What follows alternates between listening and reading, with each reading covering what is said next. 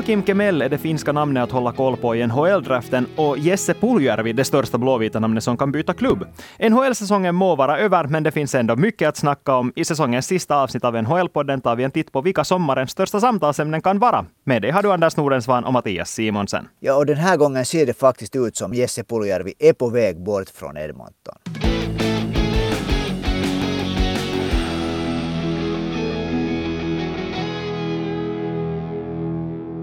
Ja, det blev Stanley Cup-fest i Colorado. Buckland reser väl runt med spelarna just nu, men det finns ju mycket annat att snacka om. NHL lever ju hela tiden. NHL-säsongen, nästa NHL-säsong som kommer att köra igång på hösten och före det kommer mycket att hända. Det första, om vi tar det här i kronologisk ordning, så det första som står i tur, så det är ju förstås NHL-draften.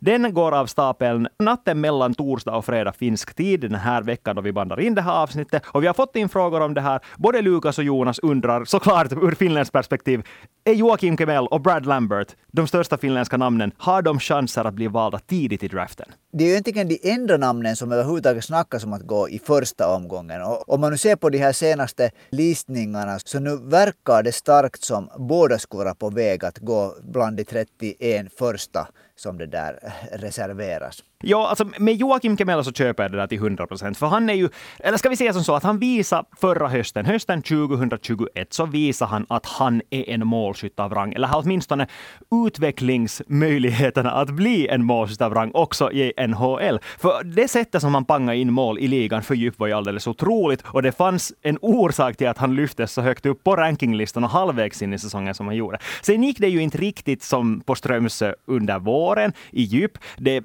avsevärt bättre i U18-VM och det är ju någonting som scouterna såklart ser på. Så jag tror att han kommer att va bli vald där ungefär, ska vi säga, bland de 15 första. Ja, alltså det verkar, om man, om man nu kollar på de här olika som har då gjort upp sina listor, så finns till och med de som har haft Joakim Kimell som trea och det kommer han nu inte att gå.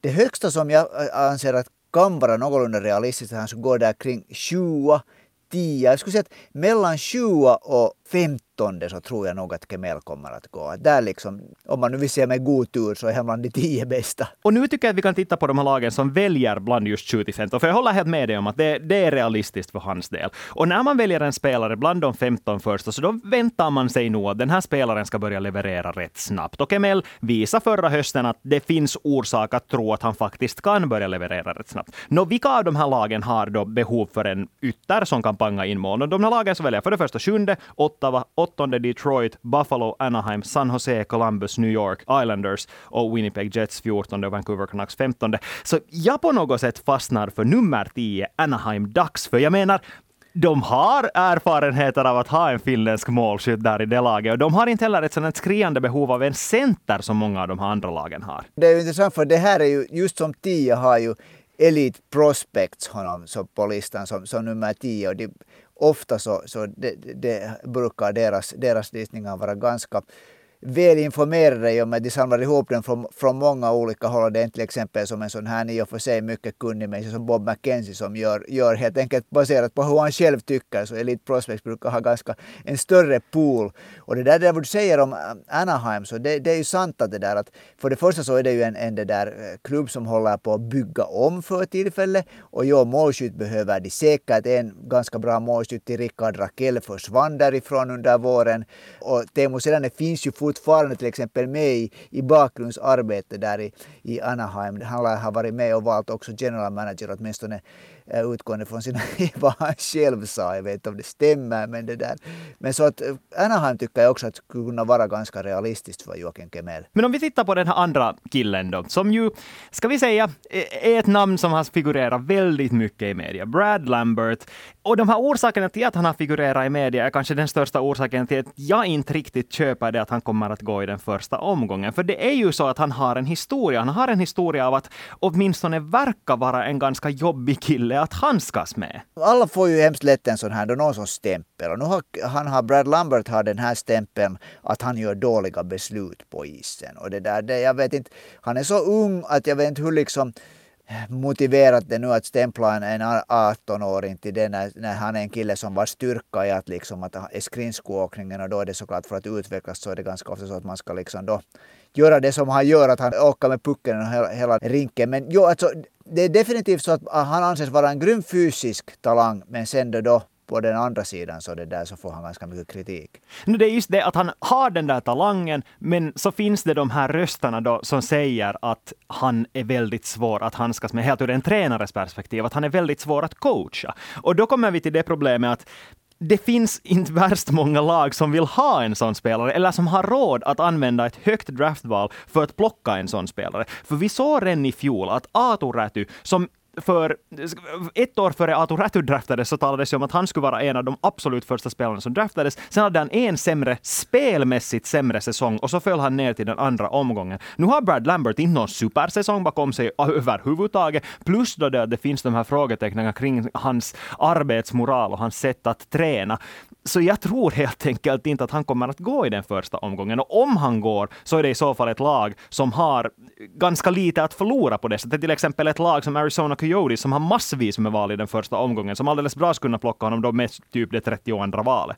32 då skulle han gå i andra omgången, är det inte så? Nej, 32. Det, det finns 32 lag i den här ah, nu för tiden. Anders. Jo, jo, herre jösse.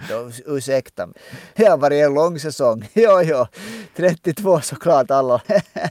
Just det. Men alltså det, det som, det där åtminstone när jag har försökt samla nu information om det här, så det som kommer fram eh, gång på gång är att det finns alltid något lag som ser den här potentialen i honom, som är villig att, att, liksom, att satsa på den potentialen, som ju är hög om man får, får det att stämma. Så det där, om det nu är viktigt för finländsk ishockey, vilket det kanske är, så det där, nu vill jag i alla fall tro att, det, att han skulle gå i, i, första omgången. Jo, alltså det som också kommer sen att vara väldigt avgörande för Brad Lamberts karriärsdel är det hurdan, hur, eller ska vi säga så här, hur det laget som väljer honom ser på honom. För nu finns det då alltså två sätt att förhålla sig till det här. Ett, du ser potentialen som han har och du tror att du har det som krävs för att få ut det ur honom och du tänker satsa på honom. Och så finns det det andra alternativet som är klart sämre ur Lamberts perspektiv. Att du helt enkelt ser den där talangen, men du ser också frågetecknen, men du tar en risktagning och ser vad det blir. För om det är ett sånt lag som väljer honom, som det har talats till exempel om att Los Angeles Kings skulle kunna vara ett sånt lag, som alltså inte har ett val den första omgången, och det skulle då innebära att han faller ner till den andra omgången, omgången ganska sent till och med också. Men om det är så att då till exempel Los Angeles Kings, som har en otrolig mängd potentiella spelare i sitt system just nu, att de bara tar dem och tänker sig att vi ser vad det blir. Så då tror jag att han kommer att falla mellan springorna i värsta fall. Men om det är ett sånt lag som just tror på hans chanser, tror att han kan ännu bli ett fullblodsproffs, en spelare som verkligen vet vad det krävs för att spela i NHL. Så då kan det bli en riktigt bra spelare av honom. Det som ska komma ihåg som jag talar lite för Brad Lambert är att det finns en orsak till att han heter Brad Lambert och det är att hans pappa är, är, är, är från USA, amerikan. Så det betyder att han ju på ett sätt är liksom mera bekant med den amerikanska kulturen. Och vi ska komma ihåg att det här är någonting som alltid kommer fram också när det gäller unga spelare. Ta till exempel Jesse Puljärvi som vi ska tala om senare. Just att hur passar de in i, det, hur passar de in i Nordamerika? Hur kan de tala det att kommunicera? Så det här är ju sen igen någonting som talar för Brad Lambert. Det är sant. Men det finns andra finländska spelare i draften också. Om vi tittar på de här toppnamnen, no, där finns också ett finskt bekant namn. Men Jonas undrar nämligen, är det så att det är Juraj Slavkovski eller Shane Wright som kommer att gå som etta? Och nu ska vi kanske slå fast att i de flesta rankinglistorna så är det ju så att Slavkovski faktiskt är rankad som etta. Men han är ytter och Shane Wright är center. Det är Montreal Canadiens som väljer först. Vad ska vi tycka? No, om jag nu har uppfattat det rätt så är det, är det, ska det nog jättemycket till att inte Montreal Canadiens, när de har, sin, de har draften i Montreal, att de inte väljer en center, Shane Wright. Nej, jag litar på ditt och du följer nog med Montreal Canadiens mycket mer nitiskt än vad jag gör. Och det är ju på alla sätt och vis väldigt, väldigt logiskt i och med att de inte riktigt har en kärncenter i laget just nu. Shane Wright talas om att han skulle kunna bli en sån här potentiellt kärncenter, vilket jag har lite förbehåll för. För jag, jag, vet, jag ser bara inte riktigt. Alltså, på något sätt känns det här, den här draftkullen nu lite som 2017 på det sättet att då var det mycket snack om, snack om Nico Hischer, Nolan Patrick, helt av den anledningen att det fanns inte bättre spelare. Men jag tycker, tyckte inte då heller att någon av dem stå ut ur mängden på ett sånt sätt som jag tycker att spelare som spelar i den här kanadensiska juniorligorna ska göra när man kollar på de här highlightsen. Jag tycker inte att Shane Wright överhuvudtaget står ut i mängden. Jag tyckte inte att Juraj Slavkovski heller stod ut i mängden när han spelade för TPS. Han, han gjorde det för Slovakiens landslag. Det ska sägas, men han gjorde inte det för TPS. Så jag bara tror inte att någon av de här kommer att bli en sån här homerun på det sättet. Men ja, Shane Wright känns nog som det, det rätta valet för Montreal Canadiens. det, det som nu spelar hemskt mycket in är just det att han är sent center. Det är ganska sällan egentligen som det inte är en center som, som går som etta. Om det finns en liksom center som, är, finns, som på något sätt är åtminstone man kan argumentera för att han är det första valet så brukar det ju vanligtvis, det blir inte till exempel med Alexis Lafreniere så gick det ju inte på det sättet, men vanligtvis så går det på det sättet. Och det, där, det som jag nu har hört att vissa sen har lite dubier över, de säger att äh, egentligen så är Shane Wright en jätteliknande center som Nick Suzuki. Då har de två som är på ett sätt liksom stöpta på samma sätt. Men det där, om jag nu skulle bygga ett lag så vet jag inte om det skulle vara så hemskt illa liksom att ha centra som, som man på det sättet också kan bra switcha mellan. Varför inte? Men så måste vi också komma ihåg att det finns ett tredje namn som kanske lite bubblar under ytan här. Ett namn som kanske ganska så här klart känns som det tredje starkaste namnet i alla rankinglistor. Och det är amerikanen Logan Cooley. Om vi ändrar parallellen paralleller nu till draften 2017, där alltså Hischier gick som etta och Nolan Patrick som två. Och så fanns det en viss Cale McCarr som föll ner till fyra för att man inte riktigt visste vad man hade honom. Och en del orsak till det var att han spelade den här amerikanska universitetsserien som inte alls håller samma nivå som kanadensiska ligorna eller finska ligan. Och där finns det då Logan Cooley som har spelat i University of Minnesota. Och där, ursäkta, nu ska jag säga, han har inte ännu spelat där, men han kommer att spela där nästa säsong. Hittills har han bara spelat i det här amerikanska landslags juniorprogrammet. Men ändå en spelare som där har stått fram väldigt positivt. Och det är ju en spelare som jag på något sätt kan tro att kan bli den här draftens största stöld. Ja, alltså, vad jag nu har förstått, en lite annorlunda center nu igen än Shane Wright. Han är väl, Logan Cooley är väl mer en sån här det där offensiv styrka. Fast han, också, alltså han är också faktiskt en center som, som har fått positivt för att han, han är liksom en bra tvåvägscenter. Men det där, jag har förstått liksom att han, jag har, nu måste jag säga att jag har inte en, riktigt en bild av hur han är som spelare. Men att, att, att han är liksom mera en sån här det där offensivt driven center än, än Shane Wright. Men jag, jag är inte nu riktigt säker på det. Okej, okay, men vi sätter punkt med det här snacket med att tippa, som vi alltid gör. Montreal Canadiens medlar som etta, New Jersey Devils som tvåa, Arizona Coyotes som trea. Vem av den här topptrion går vart? No, jag tippar att Shane Wright går som etta. Och då går han alltså till Montreal Canadiens. Och sen är det nog, tror jag nog att New Jersey Devils vill ha en eh, stark ytter. Så nu är det Juraj Slavkovski tror jag som går som tvåa. Och sen är det då Arizona Coyotes som trea. Jag tippar att i och med att Logan Cooley kommer från USA så är det Logan Cooley som, som går dit. Vet du, jag tänker säga att Montreal skrällar och tar Logan Cooley som etta. Faktiskt. Och New Jersey Devils applåderar stort när de inser att de får en ytter, för de har ju centrar så det räcker. Unga lovande centrar så det räcker. Så de får den där yttern, de får Juraj Slavkovski och då kommer Shane Wright att hamna i Arizona Coyotes. Allt det här vet vi om några dagar.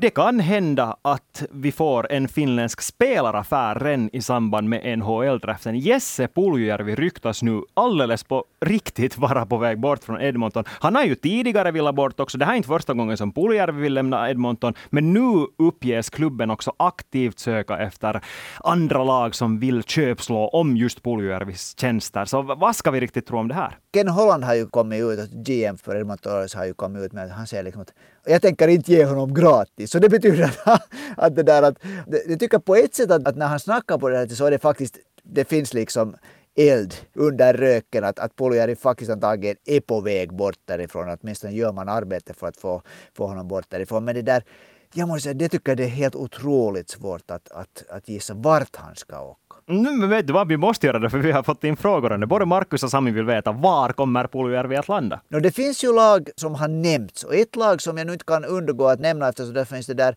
finländska spelare, det är Carolina Hurricanes. Och där skulle man ju först kunna tycka att varför till Carolina Hurricanes när de behöver kanske en målskytt men, och det där Jesse Puljujärvi nu inte tycks vara den målskytt på NHL-nivå som, som han kanske var som junior. Men sen om man ser på vem Carolina Hurricanes kanske är beredd att, att, att träda bort den här sommaren.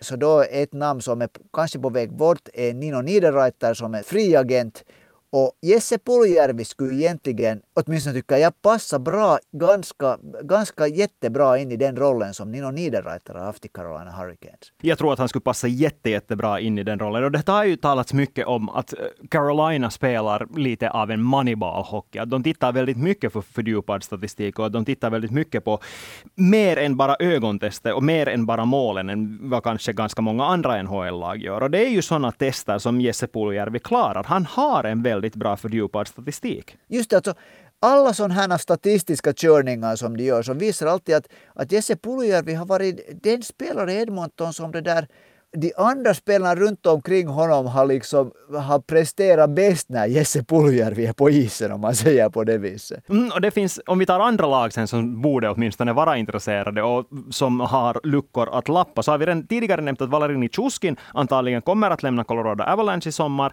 Och det finns ganska många som just tittar på den här fördjupade statistiken och tittar på just Jesse Puljärvi och tittar på Valerin Tjuskin och ser att jo, nej, poängmängden stämmer inte överens, men annars är de ganska liknande spelare på isen. Ja, no, båda stora starka spelare, men en avsevärd skillnad finns där. Och det är att Nitjuskin har ett, ett, ett resulterande skott om vi säger på det sättet. Han gör liksom mål, medan Jesse Puljärvi bommar, bommar, bommar. Okej, okay Jesse Puljärvi är ung ännu och det där, det är inte, han skulle inte vara första spelaren som det plötsligt liksom, det är någon lite, någonting litet som händer och så börjar nätet att rassla på ett annat sätt. Så det där, Alltså, det är ju en ganska attraktiv tanke va? att, att Jesse Puljärvi skulle vara i Colorado nästa säsong. Det är ju ganska roligt att spekulera i åtminstone. För, för samtidigt så har man en Arturi Lehkonen som jag fortfarande tror att Joe Sakic tänkte att kommer att kunna ersätta Valery Tjuskin när Nitjuskin nu i egenskap mm. av obegränsad fri agent kan få hur mycket som helst i lön av något annat lag nu den här sommaren. Så man har en Arturi Lehkonen som har visat att han åtminstone i slutspelet kan stiga fram och göra de där viktiga målen. Och varför inte ha en Jesse Puljärvi som kanske kan ta den rollen i lägre kedjorna som Arturi Lehkonen kanske också tänktes kunna passa in i. Och både Lehkonen och Puljärvi är ju lite sådana att de kan slängas in lite var som helst och göra jobbet helt okej. Okay. Puljärvi, han kom ju inte upp i några fantastiska poängmängder när han spelade tillsammans med Conor McDavid, men nu gjorde han ju jobbet helt hyfsat och varför skulle han inte kunna göra det med, tillsammans med Nathan McKinnon vid behov också? Och det som jag tycker att skulle vara ur Jesse Puljärvis äh, synvinkel som är helt fruktansvärt viktigt nu, att han skulle hamna i en sån organisation där det finns liksom, hur ska man säga, där det finns en klar röd tråd och att han kommer in i en viss roll och det finns förväntningar på vad han ska göra och de är realistiska och så kör man in honom i den rollen och det finns liksom en bra coach som hjälper honom. För fortfarande är han ju, en, han är ju ung ännu också, det ska vi komma ihåg. Och en otrolig fysisk talang. Så det, där, det är inte alls liksom på något sätt omöjligt att om tre, fyra år så, så det där kommer man att säga att Jesse Puljärvi, att Jesse sen då, hur kunde Edmonton missa med honom så där grovt? Ett annat namn som många verkar vara ganska säkra på att kommer att flytta nu när den fria agentmarknaden öppnar den 13 juli, så det är målvakten Ville Husso. Och här har vi fått in en fråga som handlar ur St. Louis perspektiv. För Jonas undrar om det faktiskt är smart av St. Louis Blues att låta honom sticka. Det är väl fråga om pengar nu det där ganska mycket. Att Jordan Biddington antar jag att nu har, har det där med sina tag i slutspelet så tog han igen ett grepp om den där första spaden. Medan då åtminstone de, de officiella åsikten tycks vara att Ville Husso inte var så där speciellt övertygande i slutspelet. Det är kanske lite smaksak. Men åsikten tycks vara den att man inte kan hålla den båda. Jo, och på många sätt förstår jag det, för Ville Husso presterar ändå så pass bra i grundserien att han visar att han kommer att bli betald så pass bra på fria marknaden att St. Louis Blues inte kan matcha det. Jag tror inte att St. Louis Blues skulle ha någonting emot att hålla honom kvar, men helt som du säger så, handlar det i slutändan om pengar. Och då har de helt klart gjort det här valet nu, att det är Jordan Binnington som stannar. För om de inte skulle ha gjort det här valet, så då skulle Hussoren ha en förlängning. Det är ju bara så som det är, och så skulle man istället snacka om vart kommer de att försöka trada Binnington. Nu har inte Husso fått ett nytt kontrakt. Det betyder med all sannolikhet att han kommer att testa den marknaden, kommer att testa hur mycket han kan få betalt från andra klubbar. Och det finns ju ändå många lag som skulle behöva en startande målvakt, så det, är allt pekar mot att han kommer att sticka. Och ett namn som hela, ett klubbnamn som hela tiden figurerar nu också där är e- Edmonton Oilers, som just den finska målvakten som spelar där i några år nu åker till Schweiz. Och då, då det där, eh, är det kanske en annan finsk målvakt som, som skulle möjligen vara på väg in. Ja, får se. Jag tycker det är ganska intressant. Mm, det är ganska intressant och så är det ju också fortfarande intressant det där som vi nämnde den förra veckan, att Colorado Avalanche. Darcy Kemper är också en fri agent. Vi vet inte vad som händer med honom. Kan, är det något annat lag som tycker att han spelar på en sån nivå att de är villiga att betala honom alldeles astronomiska summor? Och då i så fall skulle de behöva ersätta honom med någon och då skulle Ville Husso kunna vara ett namn. Men nu finns det samtidigt, det finns många andra lag så det är ganska omöjligt att säga just nu var Ville Husso kommer att landa. Men ändå då är det roligt att spekulera vid de här finländska lagen. Men tycker du att kan man det där, om man ser nu på Ville Hussos säsong, tror du att det finns liksom en, hur ska man säga, en kö efter honom. Inte en värst lång kö, nej. Men nu är han ändå rankad som en av de här största fria agenterna som finns på marknaden i och med att han ändå spelar så bra som han gjorde. Ja, det, jag ty, ty, tycker också liksom att, att det borde... Men sen är jag inte helt säker på att är han en målvakt som man ser som en, att han kan bli en, en första målvakt eller är han den här, när nu för tiden börjar mer och mer snacka om den här 1B-målvakten, att man vill ha liksom en målvaktstandem där, där det inte mer är så att ena spelar 65 matcher, utan man försöker få det till typ 50-30. Så det där, är han den där 1B-målvakten då? Mm, vad skulle till exempel Boston Bruins som har gjort det där tidigare vara ett alternativ i så fall? Just det, ja. Det, jag tycker Boston Bruins är... Och Boston Bruins har inte förekommit, åtminstone jag har inte mycket sett att man skulle spekulera om, om Husso och Boston Bruins, men jag tycker helt som du. En annan målvakt som, ska vi säga att är lite i samma sits, men som kanske lutar mer mot att till och med, till och med vara ett B minus, så det är ju Kevin Lankinen som inte har en värst imponerande säsong bakom sig i Chicago Blackhawks, nu blir fri agent. Frågan är, kommer han att stanna i Chicago eller sticker han någon annanstans? Ja, nu är Marc-André Fleury borta från Chicago som kom dit som en, det, det var väl nog sist en liten en kalldusch för Kevin Landgren fast han såklart inte sa det utan han sa bara att det är fantastiskt att Marc-André Fleury kom till Chicago förra hösten men det hade ju nog en direkt inverkan på Kevin Landgren var hur mycket han fick spela.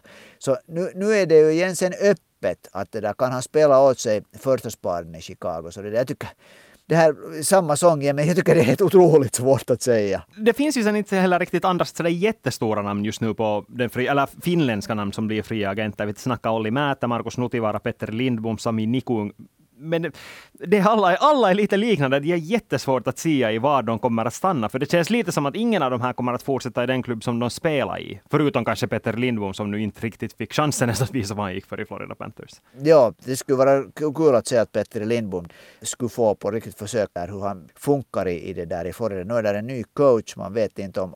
Paul Morris har ju vanligtvis gillat ganska mycket sådana defensivt starka backar. Men det där är ett namn som vi inte har ännu någon kontra, pappa på något kontrakt, det är Patrik Laine. Ja, men allt pekar ju nog mot att han stannar i Columbus Blue Jackets. Ingen har sänt några signaler om något annat. Nej, det är sant. Sen finns det då två, två killar som båda har KK i initialerna. Kasperi Kapanen och Kaapo Kakko. Och där är det betydligt mer öppet kan man väl säga. Jo, och båda har ju liksom lite samma sitt på det sättet att de inte alls har varit tillräckligt imponerande ur tränarens perspektiv. Nej, men där måste jag säga att, att om Kaapo Kakko inte stannar New York Rangers, så då måste jag säga då är jag nog åtminstone ordentligt överraskad. Däremot så Kasperi Kapanens NHL-karriär vet jag inte vart den är på väg för tillfället. Nej, jag skulle tippa så här att Kakko får ett tvåårskontrakt, ett brokontrakt med väldigt liten lön. Ett, så här, ska vi säga prove yourself-kontrakt som man talar på engelska. Ett, ett, ett läge för honom att visa vad han går för. Och fortsättningsvis är han jätteung. Det vet nog New York Rangers också, så därför tror jag att de kommer att ge honom två år. Kasperi Kapanen däremot så tippar jag att han får ett år med låg lön i Pittsburgh. Ett sista prove yourself-deal. Men hej, på tal om Pittsburgh, så om vi börjar titta på de här riktigt stora namnen som finns på fria agentmarknaden, så finns det två intressanta Pittsburgh-profiler. Om vi börjar med dem, för det är ju så att både Chris Letang och Jevgenij Malkin går utan kontrakt den här sommaren. Och där har jag nu förstått att egentligen så är det så att, att Letang är den som Pittsburgh är liksom mera binder sig till. Liksom att, att, att, att om det är någon av den som ska bort så, så vill man hålla Chris Letang. Så har jag nog åtminstone förstått. Ja, och det har ju talats mycket om att vad det här faktiskt nu, det, att vad det här det för den där stommen som ju har bestått av Sidney Crosby, Evgeny Malkin och Chris Letang. Att är det faktiskt nu läge att spjälka upp allt eller satsar man ännu pengarna på dem och går ännu för ett sista år, one last dance, som är den här termen som alla älskar att använda efter den där dokumentären om Chicago Bulls. Men jag vet inte, alltså det, det har ju inte riktigt kommit några signaler om någonting alls därifrån, så det återstår ju väl att se. Men jag tror nog att både Letang och Malkin föredrar att stanna i Pittsburgh ändå.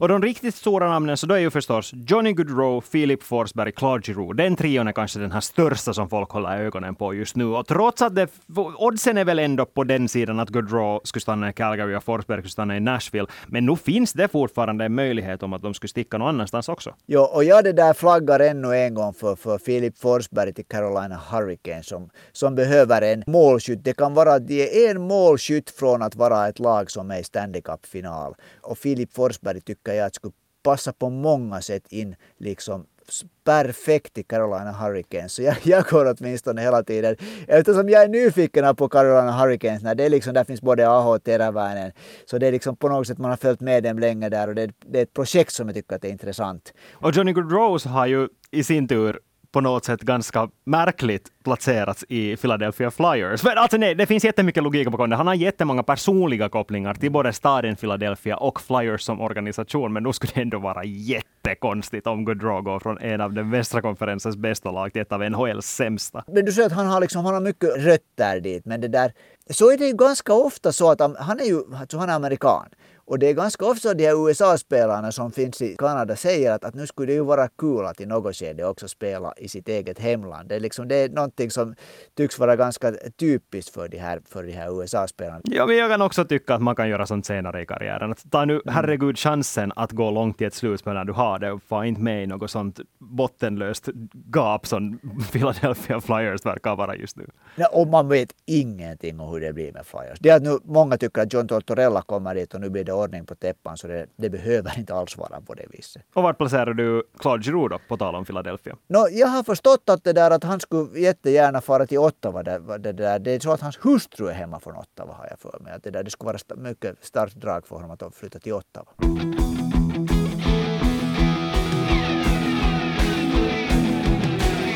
Pontus undrar i sin tur, på tal om John Tortorella, vilka tränarbyten rankar vi högst och vilka lägst? Det har vi talat lite om, men sen vi snackade om det senast så har det ju hänt saker och ting i NHL.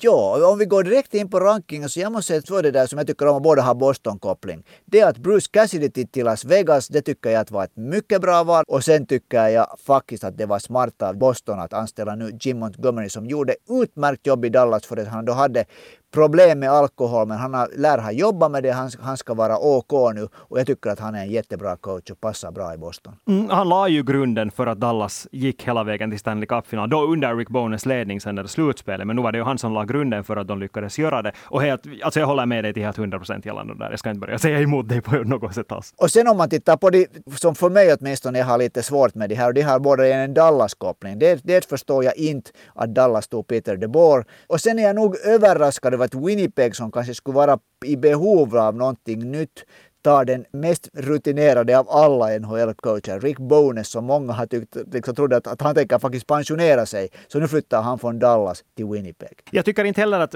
Bones till Winnipeg var ett väldigt smart drag, men här finns ett faktum som vi måste fakturera in här, och det är att alla tillgängliga tränare visste att de är ett andra val när Winnipeg Jets ringer. För alla visste att de hade erbjudit jobbet åt Barry Trotz. Barry Trotz hade tackat nej för att han vill ta åtminstone ett sabbatsår, tillbringa mer tid med familjen. Man visste att man är en backup-kille för dem. Och det har Rick Bones sagt att han hade inte ett problem med det, men det kan vara att det fanns andra kandidater som inte var intresserade i det skedet mer. Det där tycker jag är en bra poäng. Jo, Rick Bones, han är ju van att vara den här andra killen. Ja, exakt. Men det som jag har mest problem med, så det är nog det att Florida Panthers tog in Paul Maurice. Det förstår jag inte överhuvudtaget. De är ett lag som har ett så otroligt starkt material, men som skulle behöva disciplin. De skulle behöva någon som ser till att de spelar ett system som fungerar, en tränare som vet hur det där systemet ska se ut och vad det kräver av spelarna i så fall.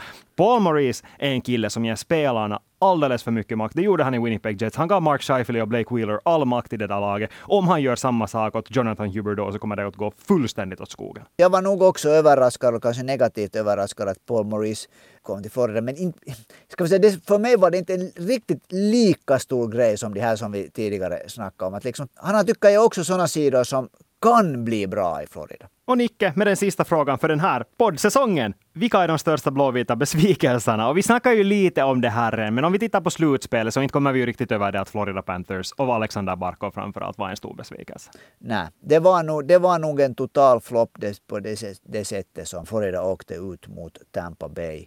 Och i och med att Alexander Barkov var lagkapten, han ledande spelare i laget och han torde ha varit liksom inga sådana skador som åtminstone skulle ha hämmat hans spel. Så det var nog en det där, på det sättet en, en blåvit flopp. Och med det tar vi och sätter punkt för den här poddsäsongen. Så ett enormt tack till alla er som har orkat lyssna, som har skickat in frågor och deltagit i våra omröstningar som vi har lagt ut på Instagram. Det har varit jätteroligt att följa med hur ni har tyckt till gällande det som vi har snackat om här i podden. Nu tar vi en paus njuter av sommaren. Om ni vill följa med NHL-nyheter så är det förstås, vi tar ju, Yle Sporten tar ju inte paus. Alla NHL-nyheter hittar ni på svenska.yle.fi sport hela sommaren igenom, oavsett vilka snackisar det handlar om. Och så hörs vi igen! Tusen tack för visat intresse och som sagt, vi är tillbaka igen när nästa NHL-säsong börjar närma sig.